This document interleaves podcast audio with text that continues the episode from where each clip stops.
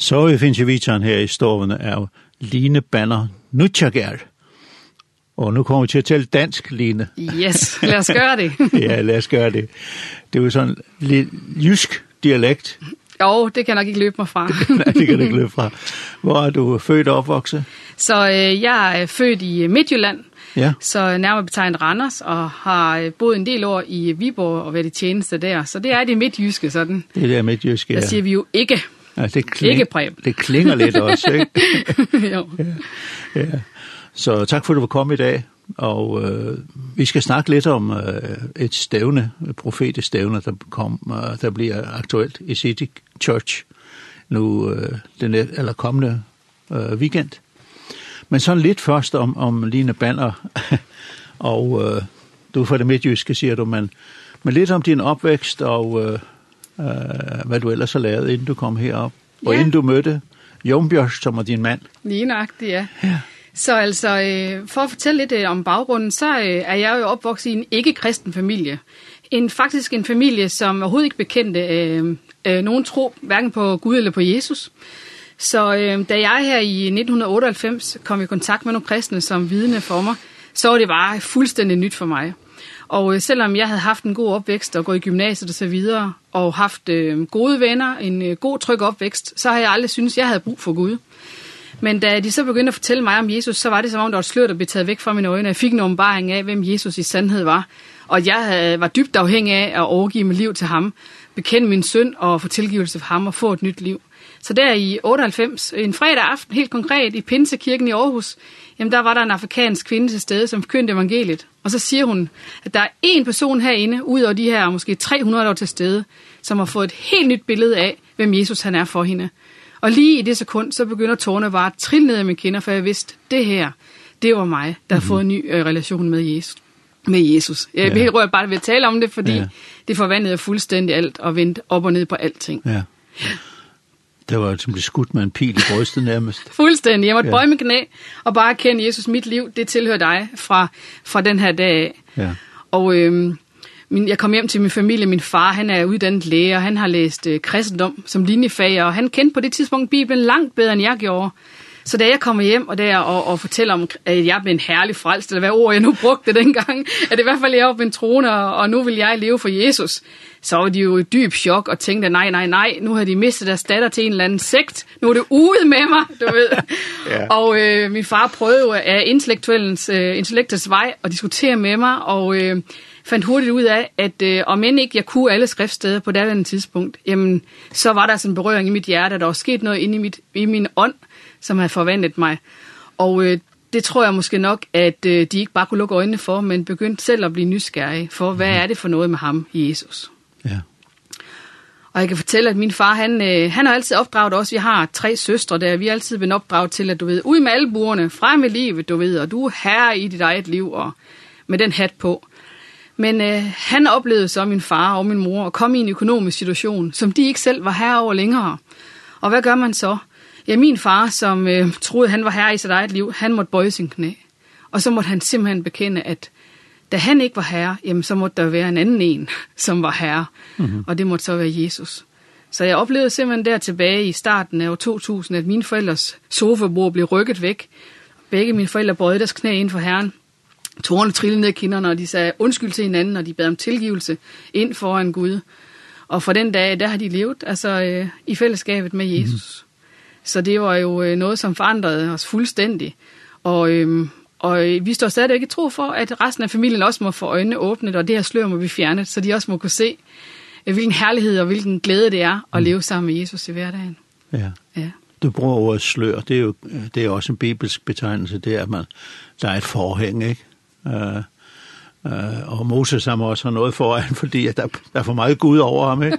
Så, så um, uh, det, er godt, det er godt beskrivelse, det er det der forhæng der, som, som hænger ned foran mange også. Ikke? Mm. Mm. Også på mange måder, også selvom vi er blevet kristne, så er der for, forskellige forhæng, der skal væk. Ikke? Mm -hmm. Sådan er det. Mm -hmm. Men hvad så... Um, hvad så? Altså, nu er der blevet øh, vildt kristne. ustyrlig. Hvad så? Jo, men det kommer jo snigende ind på en, og jeg kan jo ikke prale noget, men det og, øh, og øh, det at få taget sløret væk for at blive det, det gør jo bare, at man får lov til at se mere af ham, og jo mere man ser Jesus, jo mere må man have. Og nu sidder jeg og snakker med dig, Preben, som er en, en generation eller to ældre end jeg, Og jeg kan jo bevide, når jeg ser på dit liv, at du har jo oplevet at uh, få en større og større sult efter Jesus, og mere hans særlighed er kommet over dit liv. Og det har jeg, det har jeg virkelig også ønsket måske for mig. Fra starten så øh, koblede jeg mig på en, en, øh, ja, en øh, folkekirkelig, øh, karismatisk del af kirken i det danske øh, kirkeliv, valgmenighed i Aarhus. Og øh, lige fra starten af bliver jeg taget ind i at være med øh, til at bede for mennesker i forbindelse med aldergangen. Sådan at når mennesker vil til alder, jamen, så kunne de gå over og blive betjent og få en velsignelse der oplevede jeg bare allerede fra starten af, at øh, Gud inspirerede mig sådan, at jeg så øh, billeder for mit indre, når jeg lukkede øjnene og bad for mennesker. Og så oplevede jeg mange gange også at få inspiration til, hvordan, hvad det her billede skulle betyde. Og så kunne jeg formidle det til mennesker, og kunne se, hvordan at det faktisk berørte mennesker, og at øh, de kunne bruge det til noget. Og det her var faktisk hilsner fra Gud, og øh, noget, som øh, der virkelig kunne med til at hjælpe mennesker. Så allerede fra starten af mit kristenliv, der har jeg virkelig oplevet, hvordan jeg har blitt inspireret gennem det, som vi kalder det profetiske. Mm -hmm. og, og blive inspireret af at kunne høre fra Gud og formidle det til andre mennesker, sådan det kan blive til styrke, opmuntring og, og trøst for andre. Var det sådan, at du en gang mellem tænkte, hvor kommer det her fra? Er det noget, jeg skal frasige mig, eller sådan noget? jeg har i hvert fald mange gange tænkt, at det er ikke noget, jeg som sådan har været bevidst om at søge. Nej. Altså, det er ikke noget, jeg som sådan har stræbt efter eller ønsket. Men jeg har bare oplevet fra starten af i mit tros liv, at jeg har haft drømme om natten, hvor jeg vågner op om morgenen og tænker, hvad er nu det for noget, det her? Det er ikke ja. bare en almindelig drøm, du ved, Nej. hvor man bearbejder det, man har oplevet i løbet af dagen. Men en drøm, som har en dybere mening. Og så har jeg jo nogle gange tænkt, nej, det er da forstyrrende, kan du ikke bare tage det frem og gå ud? Altså ja, også nogle gange, hvis man får noget at vide om andre mennesker, hvor man tænker, det er dybt personligt det her. Hvor, hvorfor vil du her, at jeg skal vide det? ja. Og øhm, jeg tror ikke engang, at jeg har fået svar på det i dag. Altså, nogen, nogen former for svar kan være, jamen, jeg vil bare gerne øh, dele det med dig, eller jeg ville, at du skulle bede for vedkommende, mm -hmm. eller jeg ønskede, at du skulle være til opmåling, og derfor deler jeg det her med dig. Øhm, så altså, det at gå med at kunne fornemme fra helgen, det synes jeg da også, at det er et ansvar, ja. som der bliver lagt på os, og noget, som vi må tage alvorligt, fordi vi ved, at det kan være afgørende for andre menneskers liv.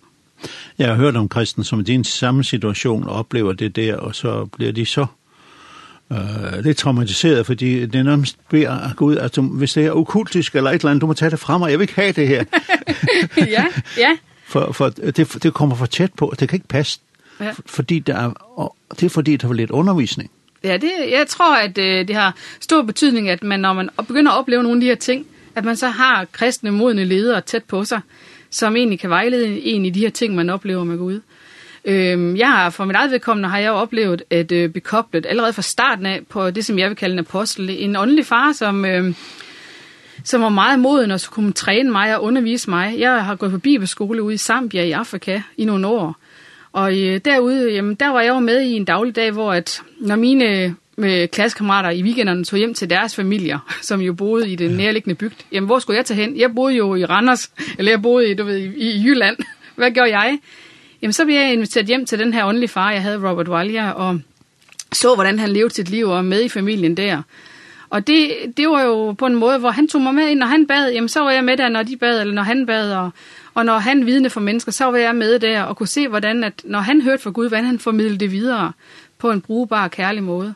Og det var med til at opmuntre mig, sådan at når jeg fik nogle indskydelser, så øh, lærte det mig at forstå, at det ikke bare var helt hen i vejret og noget fjolleri mm. eller noget skørt overordentligt noget. Men ja. det var faktisk noget, Gud betroede mig, som jeg skulle bringe videre. Ja. Men, uh, lidt bak lidt tilbage, fordi du kommer ikke direkte her til Zambia. Hvad sker der? Hvad sker, hvordan, hvordan udvikler det sig, at du tager sådan nogle afgørelser, som er til derud? Ja, jamen altså... Øh, helt konkret, så... Øh, så øh, bliver jeg spurgt, om jeg vil, på et tidspunkt bliver jeg spurgt, om jeg vil hjælpe med at fungere som oversætter fra engelsk til dansk. Der kom nogle øh, præster, nogle forkyndere fra øh, Zambia hertil, som så skulle rejse rundt i Danmark og, og forkynde og holde møder. Og der blev jeg spurgt så, om jeg ville rejse med, med, hans, med hustruen der, Loveness, om at oversætte for hende. Og jeg, på det tidspunkt hjalp Peter Holmsgaard, som nogen øh, her på ferierne kender, fordi han har været her tidligere. Så Peter Holmsgaard rejste rundt med, med manden her, Robert, og Og øhm, på et tidspunkt øhm, krydses vores veje så i den her møderække. Og på det tidspunkt så siger, øh, jeg har selv gået med nogle overvejelser om ikke jeg skulle trænes mere. Fordi jeg godt ville øh, uddanne mig mere og dygtiggøre mig øh, i en bibelsk forståelse og i det, jeg kunne bede for mennesker. Og øh, jeg har sådan overvejet, hvad, hvad, hvad, hvad jeg kunne gøre for det, om jeg skulle på en bibelskole eller hvad jeg skulle. Jeg har ikke rigtig delt det med nogen. Du ved, jeg har bare gået med det i mit stille sind. Nu oplever jeg så det, at øh, Loveness, øh, som hun hed, øh, den afrikanske kvinde, hun siger til mig, Line, har du ikke overvejet, om du skal på bibelskole? Og så måtte jeg bare ind i mig selv sige, jo, dybt overrasket.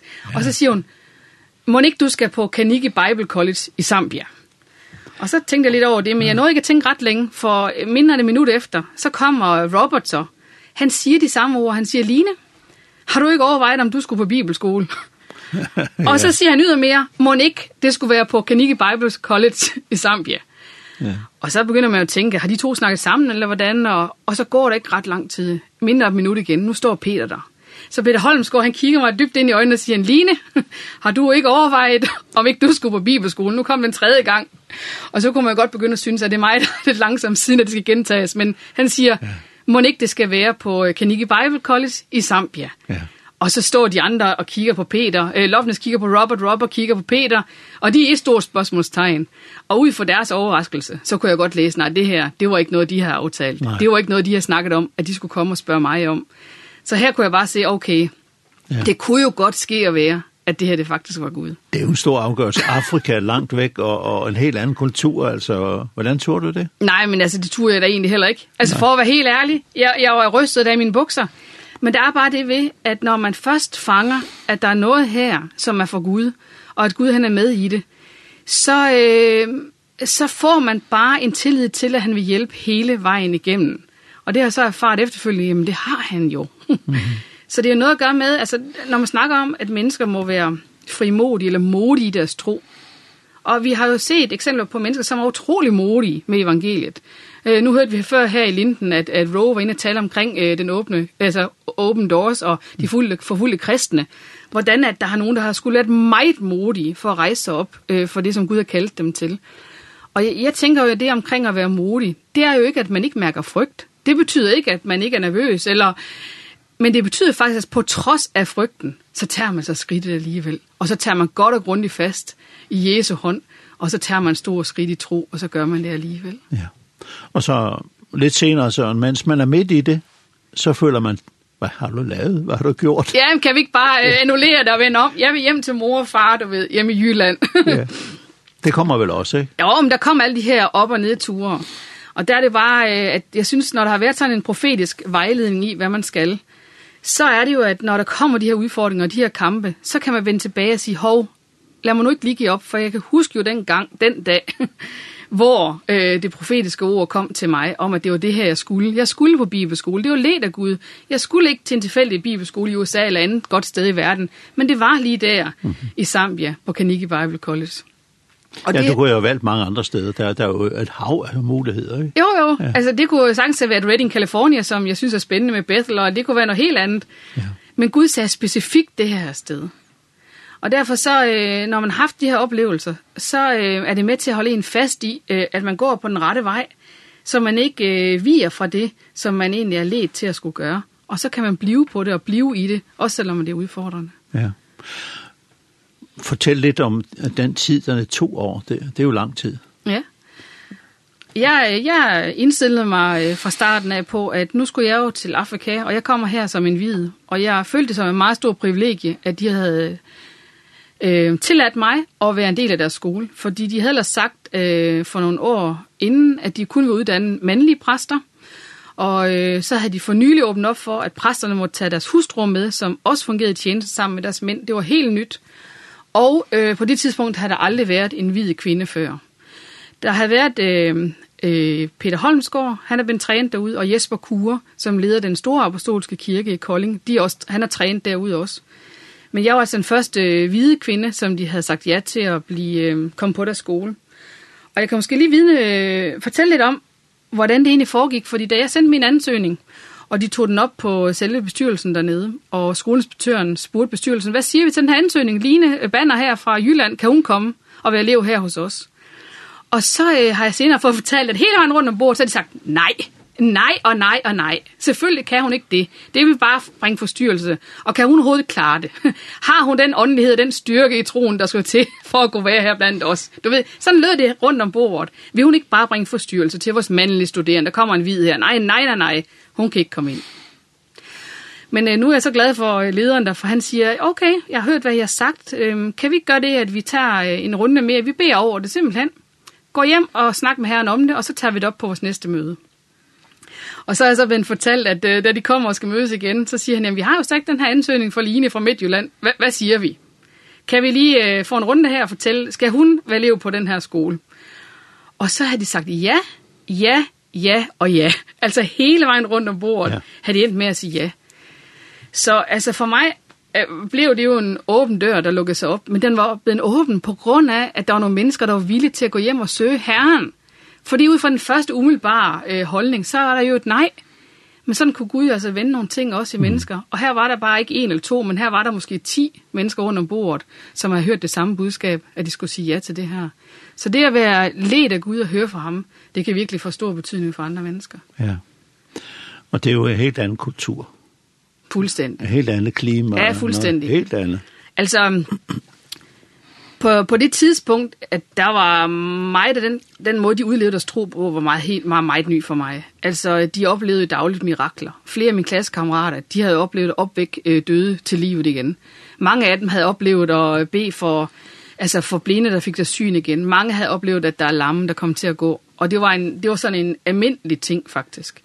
Så der øh, kom jeg i klasse med nogen, der ledte kirker på flere tusind mennesker. Og her kom jeg, Line Bande. Jeg har aldrig nogensinde ledt en kirke, måske højst en lille bøndegruppe hjemme i Jylland, ikke? Og så det var meget lærerigt for mig nu, pludselig at, at sidde der og have klassekammerater. Der, der var en anden kaliber, kan man sige, og en anden modenhed over deres tjeneste.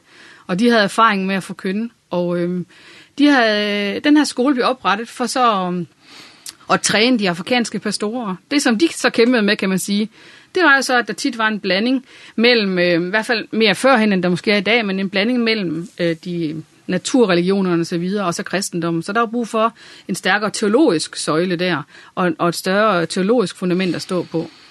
Hvor at for mig, jamen, jeg kommer fra en grundig bibelundervisning, men havde brug for at se at Guds kraft i, i funktion, og at vi, hans kærlighed faktisk i funktion jo, hvor at mennesker bliver berørt og hjulpet. Ja. ja på bibelskolen, der, der, der, det, var, det var træning, kan man sige, også i de åndelige discipliner, for sådan noget som bøn, jamen, der var bøn hver nat, og så siger du om natten, skulle ikke der, man skulle sove? jo, men altså, i Afrika, der var der det her miljø, at så mødtes man klokken 3 hen i klasseværelset. Man, man stod op simpelthen, tog øh, et tørklæde rundt om sig, du ved, og futtede op og mødtes op i klasseværelset. Og så blev det bare bedt øh, fuldt ud i en time, hvor folk bare gav sig hen og, øh, og bad der i mørket. Og når vi så havde bedt færdig, jamen, så var det tilbage igen under dynen og sove et par timer mere, inden vi så skulle op derefter. Og, og det for mig at, at være så, i sådan et miljø, hvor at bøn var så essentiel og vigtig og afgørende, det er klart, øh, det har lært mig noget omkring, hvad bøn kan gøre. Når man lever i bøn, så forvandler det det altså. Og så får du lov til at smage mere hans herlighed. Det er lidt det samme som hvis man skal lave sport, ikke? Man bliver nødt til at træne, man bliver nødt til at træne sine muskler. Og på samme måde tror jeg også, det er lidt øh, inden for det med troen. Altså man bliver nødt til at træne vores åndelige muskler. Mm -hmm. Og styrke dem simpelthen, for ikke at gå rundt med, med hængehænder og, og, og slappe arme.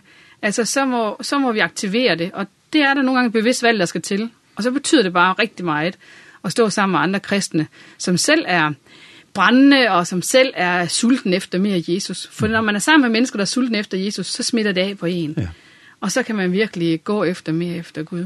Det er ligesom gløderne, der bliver ført sammen, og så bliver det helt, ikke? Ja, ja lige nok det. Ja. Um, altså, bøn, det var noget, du virkelig lærte på den hårde måde, kan man sige. det var op om natten og så videre. Og så så du nogle resultater, vel så, som, som gjorde, at det blev lettere at gøre det. Jo, altså, øh, jeg var jo målløs, fordi her kommer en lille Line fra Midtjylland, og skal, blive sat til at prædike for en kæmpe forsamling af mennesker, og det har jeg aldrig prøvet før. Og så så jeg bare, hvordan at Gud var trofast, og han, lag, han inspirerede mig til, hvad jeg skulle dele. Og når vi så bad for mennesker efterfølgende, så så vi altså, at der skete noget. Noget af det mest fantastiske, jeg fik lov at se, mens jeg var derude, det var en syvårig dreng, der havde lidt af meningitis, og derfor var han blevet en døvestum. Han kunne hverken høre, han kunne ikke tale. Og det var et stort handicap for ham, og hans mor kom øh, med ham øh, til os. Og jeg fik lov til at bede sammen med ham og bede for den her dreng og se Jesus gribe ind. Så inden den dag var om, der, der kom der lyd ud af hans mund wow. for den første gang. Og se en mor så lykkelig og en ja. drengs liv forvandlet, det var meget stort. Ja, det er da klart. Mm. Det, er, det er livs, livsforvandlet. Ja. Og nu, kan, nu skal vi endelig ikke få det til at lyde som om, Nå, men det er nok fordi hun så har bedt, du ved, hver nat i en time der i to ja. år, så lykkes det. Ah, ah lad os ikke gå ud af den vej, fordi Nej. så er vi fuldstændig skævt på den. Der er ingenting, som vi ser Gud gøre, som er vores egen fortjeneste. Det er ene og alene ham, mm -hmm. og det er Jesus, der gør det på grund af, hvad han har gjort på korset. Han har besejret døden, han har besejret sygdommen, og det er vores tillid og tro på, hvad han har gjort, mm. der skaber hele forandringen og hele forventningen. Mm. Så det er jo noget at gøre med at, at i hvert fald styrke vores tillid til det, som han har gjort, og så får vi lov til at se, se det. Ja. ja. ja. Um, du var så i to år derude og du har oplevet mange ting, kunne jeg tænke mig. Mm. Ikke bare det, du fortæller nu, men der var meget andet beretning. Men så kommer du hjem igen, mm -hmm. og det må være kulturschok. Jo, altså, jeg følte, jo, jeg havde set Gud gøre mirakler, og så kommer jeg tilbage til Danmark, hvor at jeg kommer hjem i et miljø, hvor man faktisk ikke engang føler, at man har brug for, at Gud gør mirakler. Nej. Fordi at øh, der var en velstand, og der var et øh, sygehusvæsen, der gjorde, at mange af de ting, som man var desperat for at bede efter Guds indgriben for i Afrika, det var der faktisk ikke engang brug for. så jeg havner der i Aalborg og tænker, hold op mand, altså nærmest en følelse af lidt meningsløshed. For der hvor at man før virkelig levede i sulten og tørsten efter at se Gud gribe ind, der var det sådan ikke så betydningsfuldt længere. Men så vidste jeg jo bare, at jeg har fået en opgave jo, at formidle det videre. At øh, vi, vi som mennesker, vi, altså det var meget det budskab, jeg bare på den gang, at vi bliver nødt til at stille os i nogle positioner, i nogle situationer, hvor vi ikke selv er i kontrol. Og det skal vi ikke være bange for, fordi der, hvor vi ikke selv er i kontrol, lad os bare tage det her eksempel med økonomi. Hvorfor ikke uh, tage nogle skridt i tro økonomisk, hvor at du ikke selv er afhængig, altså hvor du ikke selv øh, har løsningen, altså hvor du ikke selv har en plan B, eller hvor du ikke bare går ned i banken og låner nogle penge, fordi det kan du, eller spørger din rige onkel, fordi det kan du. Men altså, stille dig selv i nogle situationer bevidst, hvor at øh, du må have tillid til Gud, og du må gøre dig afhængig af, at han griber ind, fordi det er den eneste løsning. Mm. Og øh, så, så, øh, så, så har jeg bare selv erfaret også, når jeg gør det, at så oplever man virkelig en velsignelse, når man tager stille sig der og giver slip på kontrollen. Fordi så er der kun Gud til at gribe ind, og når det er sådan, jamen, så er han virkelig trofast, og så griber han ind. Ja. ja. Vi skulle høre, en, inden vi går videre, skulle vi lige høre, at du valgte en, en, en sang her, som Jakob Solen har fundet frem. Hvad var det for en? Jeg tror, det er en sang med Cody Keynes. Uh, nu ved jeg ikke, uh, Run to the Father. Lad os høre den.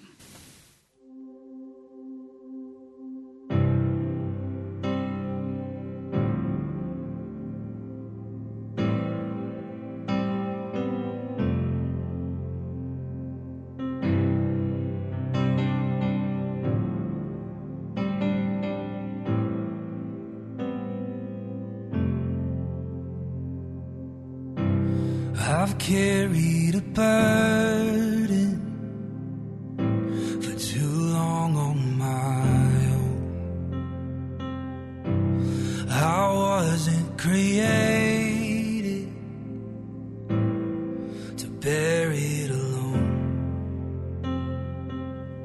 I hear your invitation to let it all go.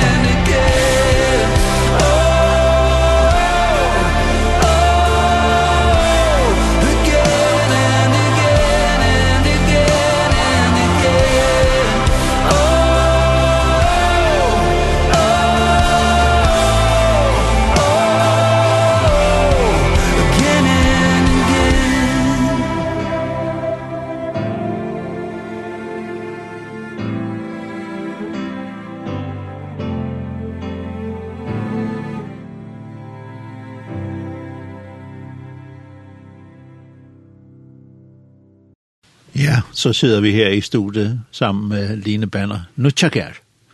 Og vi har snakket lidt om dit liv, og du har været sammen med forskelligt. Det er jo fantastisk beretning, og så kommer du tilbage, og så skal du akklimatiseres det, det er ligesom at køre med en cykel med god luft i dækken, og så bliver den punkteret pludselig. Ja. så er der ikke fart på mere.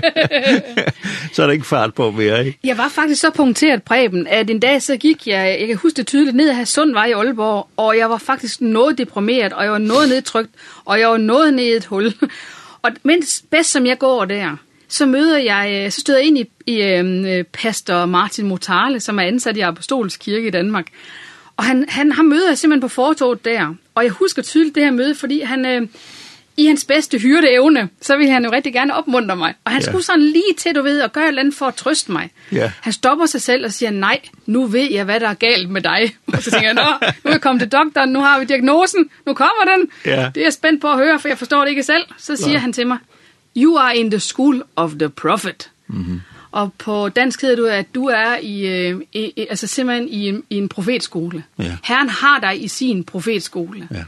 Så det, du går igennem lige nu her, om end meget smerteligt og uforståeligt, og alt det, du bliver revet og strukket i og rystet, og hvad ved jeg, det er Herren, der tillader det, fordi mm. at han ønsker at træne dig og lære ja. dig noget. Så, uh. Ja, der kan vi også se alle, alle parallellerne i det gamle testament, de stakkels profeter. jeg følte mig meget alene. Ja. Men lige da det kom, så forstod jeg, at jamen, der var et formål med det, og det var ikke bare øh, tilfældigt eller ligegyldigt. Nej. Det var noget Gud han har tilladt, og så er det okay. Ja. Yes. Men så, så kan du også rejse derop og, og se, okay, at man har brug for nogle gange at løfte sig op over ja. og få lidt fulde perspektiv, så, man ligesom, ikke bliver dernede i navlepilleriet jo. ja, gør honør og siger, ej, ej, sir. ja, ja, det er i orden med mig. Ja. Yes. Vi, vi skal fortsætte. Ja, nemlig. Og det gør det så, du får nyt mod. Altså, det er også fantastisk Gud gør det der, ikke? I møder hinanden. Det har jeg aldrig gjort før. Nej, men der sker jo så det, at øh, fra egentlig at være landet i Aalborg, så... Øh, så tænker jeg jo, at jeg har simpelthen brug for at, at fortsætte min træning og min udrustning her. Jeg kan ikke bare gå tilbage og tage et øh, 7-4 job, for jeg tror, der er noget andet, jeg skal. Øh, min vandring i det her er ikke slut endnu. Og det behøver selvfølgelig ikke være, selvom han har job, det skal virkelig lige siges, fordi man kan høre fra Gud og være lidt i det overalt. Men for mit vedkommende, ja. så øh, var jeg, vidste jeg, at jeg vidste, at jeg vidste, at jeg var kaldet til at leve i fuldtidstjeneste. Og derfor så øh, havnede jeg i Kolding. Der er jo en stor international højskole dernede. Og der blev jeg så ansat som medarbejder, og, og, og var der nede i en, i en årrække på højskolen. Og nu kommer det spændende så, Preben, for nu må jeg hellere fortælle om, hvordan jeg mødte Jonbjørn. Det er her, min færøske rejse begynder, som jo så er bare så vigtig. Og øh, her, her, mens jeg var på højskolen, så kommer Jonbjørn hjem efter at have været ude i Iran i et halvt års tid, hvor han har... Øh, altså, det er, jo, det er jo faktisk et hårdt miljø at være i. Altså, det er meget muslimsk og hårdt klima. Så han kommer så til øh, Kolding, for at være i lovsang, for at være i bøn, for at være i, i det her miljø, for at blive genoprettet og opfrisket. Og her møder jeg så Jon Bjørn, han har været ansat øh, som handicaphjælper hos en af eleverne. Og her lærer, vi, lærer Jon Bjørn og jeg så hinanden at kende. Og det var simpelthen mit første møde med en færing. Jeg, jeg vidste knap nok, færingerne eksisterede. Det må jeg da ærligt tilstå. Det var jo ubegribeligt og meget hormodigt. Jeg ikke vidste noget om det, men det gjorde jeg bare ikke. Jeg har hørt om Finland og Island og, og lidt øh, færerne, men det var så langt væk, at fra min verden, at øh, det vidste jeg ikke meget om. Men pludselig så kom ferien jo til mig, og så måtte jeg jo være åben over for, hvad det var for en størrelse. Og det var så øh, gennem Jonbjørn jo så, at jeg kom til at lærføren at kende. For så tog vi et øh, hold elever med herop til færgerne, for at øh, besøge færgerne og øh, komme herop. Og ja, det kan godt lyde, at eleverne kommer herop for at tjene, og det lyder jo meget fint, de kommer herop for at give færgerne noget, men i virkeligheden så tror jeg jo dengang, at, at færgerne gav jo nok de her lever meget mere, så det var den anden vej rundt. Ja. Men øhm, ja, så her, her mødte jeg altså Jonbjørn, og øhm, kort tid efter, at, øhm, at vi fandt sammen, jamen så, så i vores forlovelsesperiode, så øh, han var langt væk fra sin familie. På det tidspunkt boede vi så i, i Valby, hvor han jo læste på universitetet og læste farse derovre. Jamen så, han var langt væk fra sin familie, og jeg, jeg var sådan set også om ikke flere øh, flyveture væk og, og, og mange timer sejlture, så alligevel over på den anden side af Storebæltsbroen, hvor jeg er væk fra min familie, de var jo i Jylland, og nu var jeg pludselig i København alene der, og han var alene. Jamen, øh, juleaften, hvad, hvad, hvad skulle vi gøre? Altså, hvad skulle vi prioritere? Øh, første år i vores forlovelse her, og så, så blev vi simpelthen inspireret til, at vi skulle holde en juleaften for nogle øh, flygtninge, andre som heller kan nogen holde jul sammen med. Og... Øh, vi, vi, vi tager ret lad simpelthen en, en ganske almindelig dansk juleaften, inviterede øh, mest iraner, som var i menigheden derovre i Valby, og samlede en flok på. Jeg tror faktisk, vi var så en god flok øh, på en 12-13 stykker der, og have jul sammen. Og jeg kommer til at sidde ved siden af en ung mand, Og øhm, det var faktisk ret svært at snakke med ham, fordi at, øh, som jeg forstod det, var han næsten kom, lige kommet til landet. Han forstod i hvert fald ikke dansk, og han kunne knap nok engelsk, og du ved, og ja, jeg kunne da i hvert fald ikke fare sig vel, og øh, kunne sådan øh, klare mig på engelsk, og kommunikationen var bare svær. Men som vi sidder der og spiser sammen, så begynder Helion bare at give mig et indtryk af, at den her unge mand, han er ikke der, hvor han skal være. Han skal simpelthen tilbage til Iran. Og hvem, hvem har der lyst til, og hvem, ærligt talt, hvem har lyst til her under en hyggelig middag at sige, du skal simpelthen tilbage der, hvor du flygtede fra? altså, altså, hvem har lyst til at formidle lidt sådan nogen? Men altså gennem, øh, du ved, igennem, jeg ved ikke, øh, tegnsprog, eller hvem vi nu kunne få det forklaret, så fik jeg formidlet til ham, at, jeg, at øh, Gud kaldte ham til at tage tilbage til Iran og der var kald over hans liv til at tage hjem og vidne om Jesus for hele hans familie, og at de skulle blive frelst. Bum!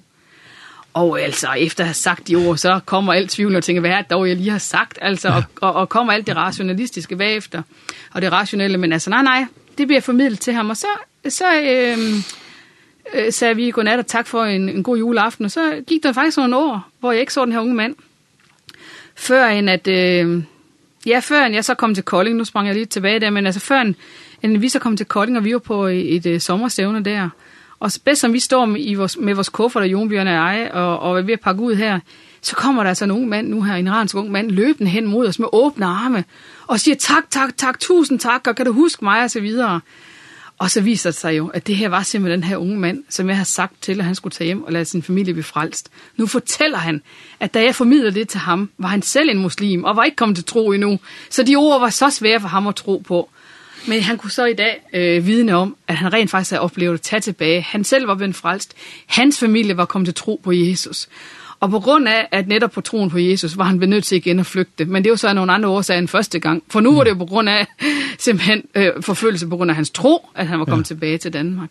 Og her stod han nu og talte flydende dansk og var, var en personlig kristen. Det var helt fantastisk. Ja, fantastisk. Godt Ja. ja. ja. Og styrke for dig. Helt sikkert. Ja. Det var det.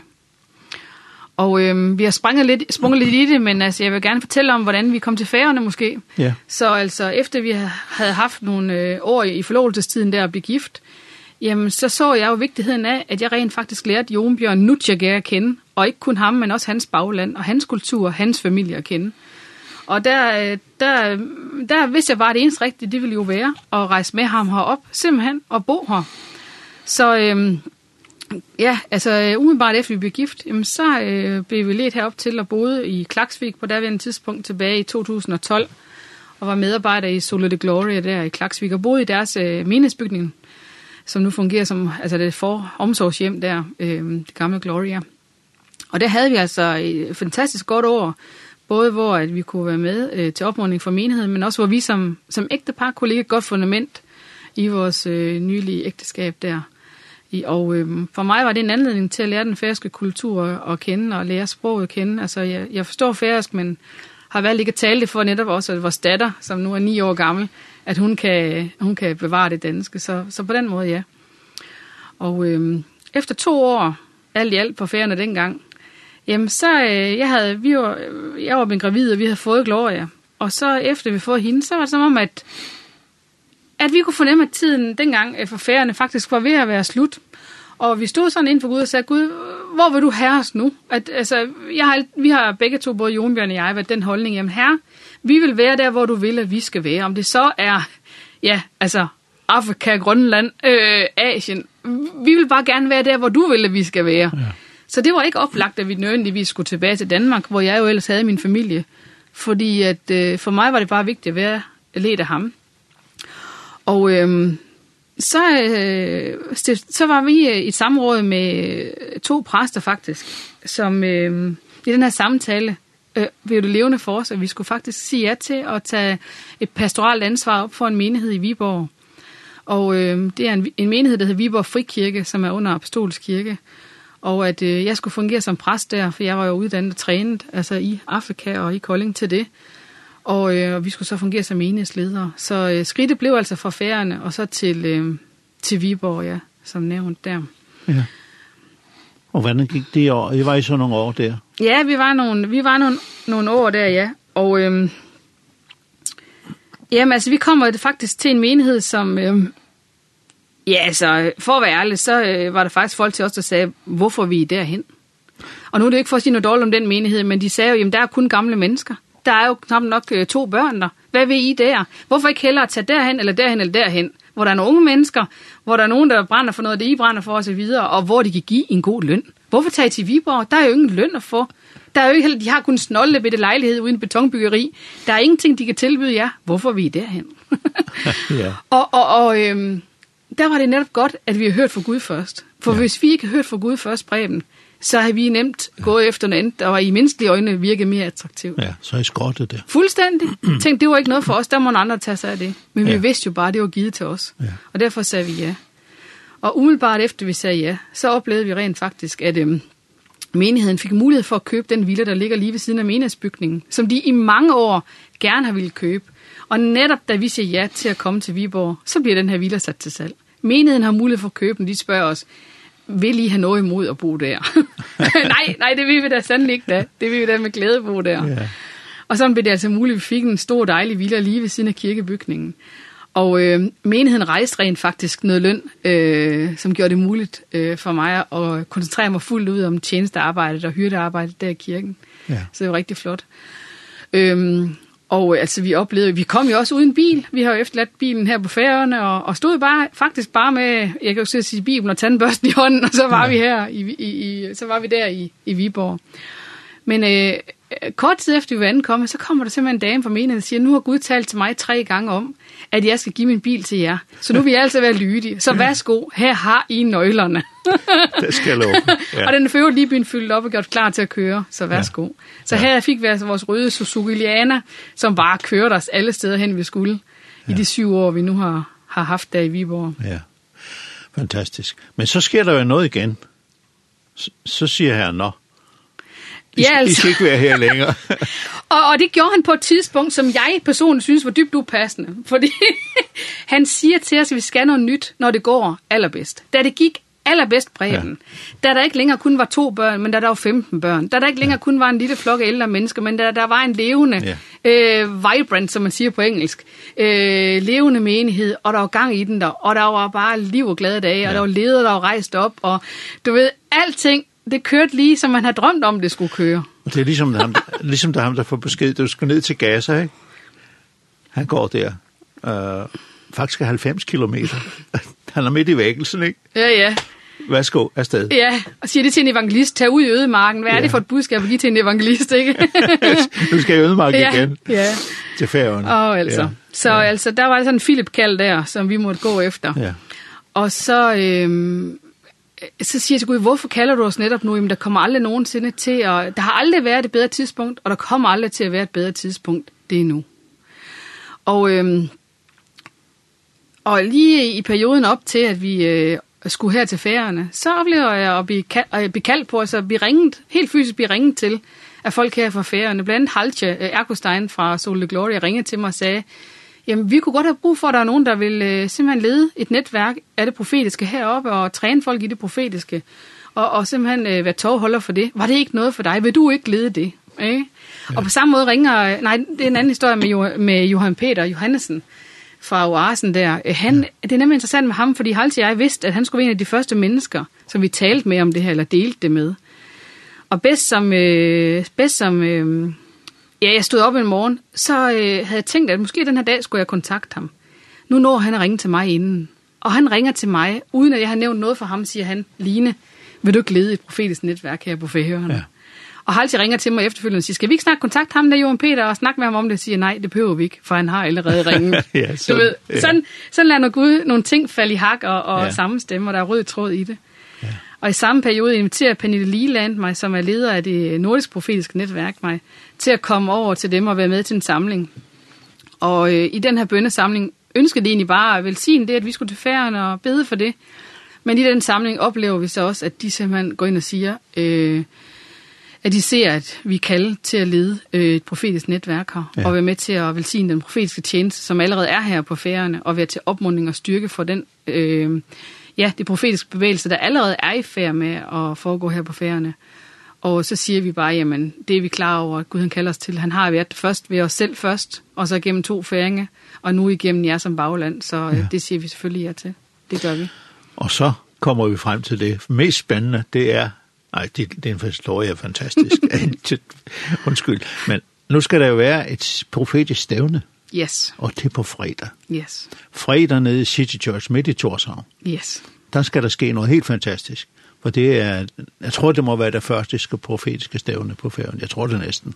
Okay. Ja, jeg tror ja. Det. Jeg, jeg, jeg kan ikke huske noget andet. Okay, Nej. ja.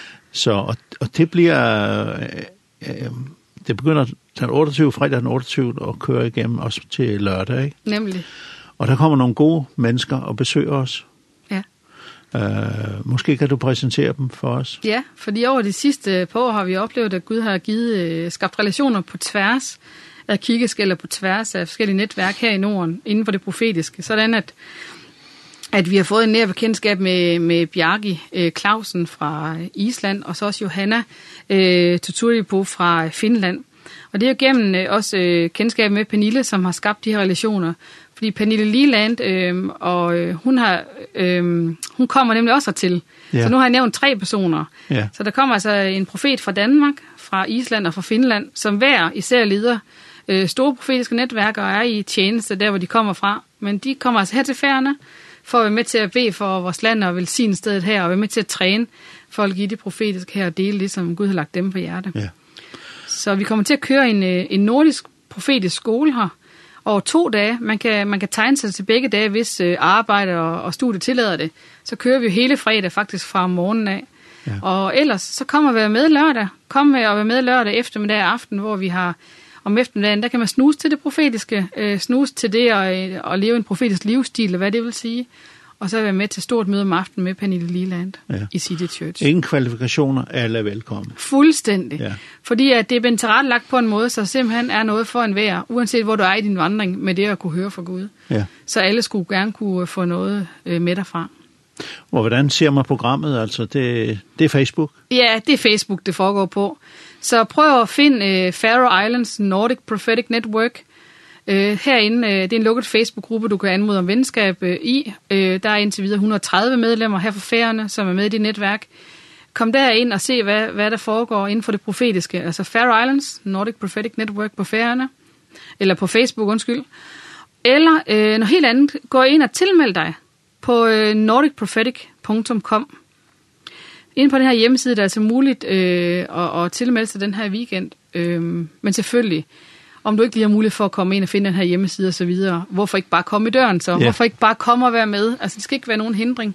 Nej. Kom i døren og så tag, tag de her 300 kroner med, som det koster for at være med begge dage. Yeah. Eller 100 kroner, som det koster at være med om lørdagen. Ja, jeg har lyst til at fortælle, at hvis man betaler det fulde beløb, altså 300 kroner for hele weekenden, jamen så får du også adgang til at komme med øh, efterfølgende i en gruppe, hvor du kan se al undervisningen igen, og du får materiale på, på skrift. Så det er altså en kæmpe fordel, at øh, også hvis du, øh, som hører den her udsendelse, har lyst til at vide mere om det profetiske, men ikke nødvendigvis kan være med her den kommende weekend, så gå ind og tilmeld dig på nordicprophetic.com, øh, eller skriv til mig, Line Banner, på Messenger, så vil du kunne lukke dig ind i den her gruppe for mm -hmm. en pris af 300 kroner og tilgå al undervisningen efterfølgende. Ja. Spændende. Og en fantastisk beretning, Lene. Og faktisk skulle du skulle næsten have to udsendelser. Du har jo så meget på hjertet. Eh uh, og hele din vandring ind i det, det har været eh uh, hårdt og opmuntrende og nogle gange som du siger punkteret cykel fuldstændig. Der var ikke noget luft tilbage, mm -hmm. men så kom Gud når du var længst nede, som du fortalte, og, og, og alligevel se, du er på rette vej, du er på rette vej. Ja. Uh, så tak for, at du vil komme. Ja, selv Det var tak. virkelig dejligt, og her, vi glæder os alle sammen til den der, det, det stævne der, som begynder fredag morgen kl. 10. Klar. Nu på fredag. Yes, nu ja. på fredag. Og vi skal slutte med en, uh, en dejlig lovsang her. Fix my eyes on you.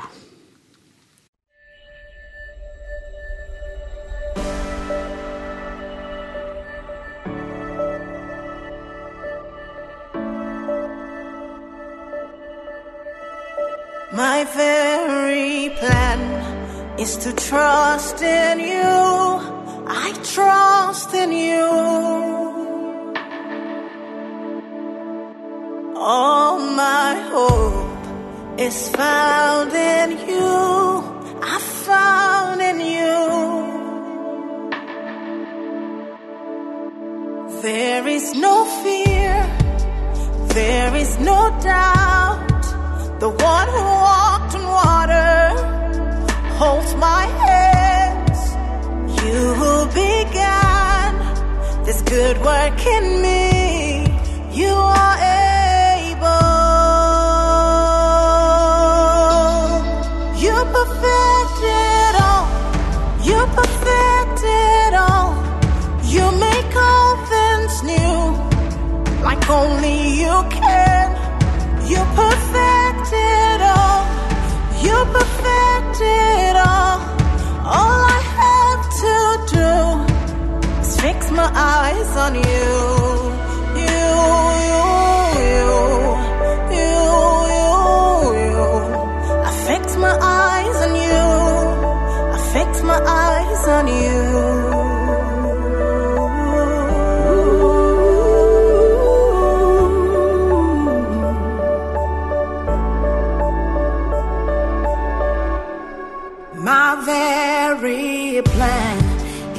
trust in you.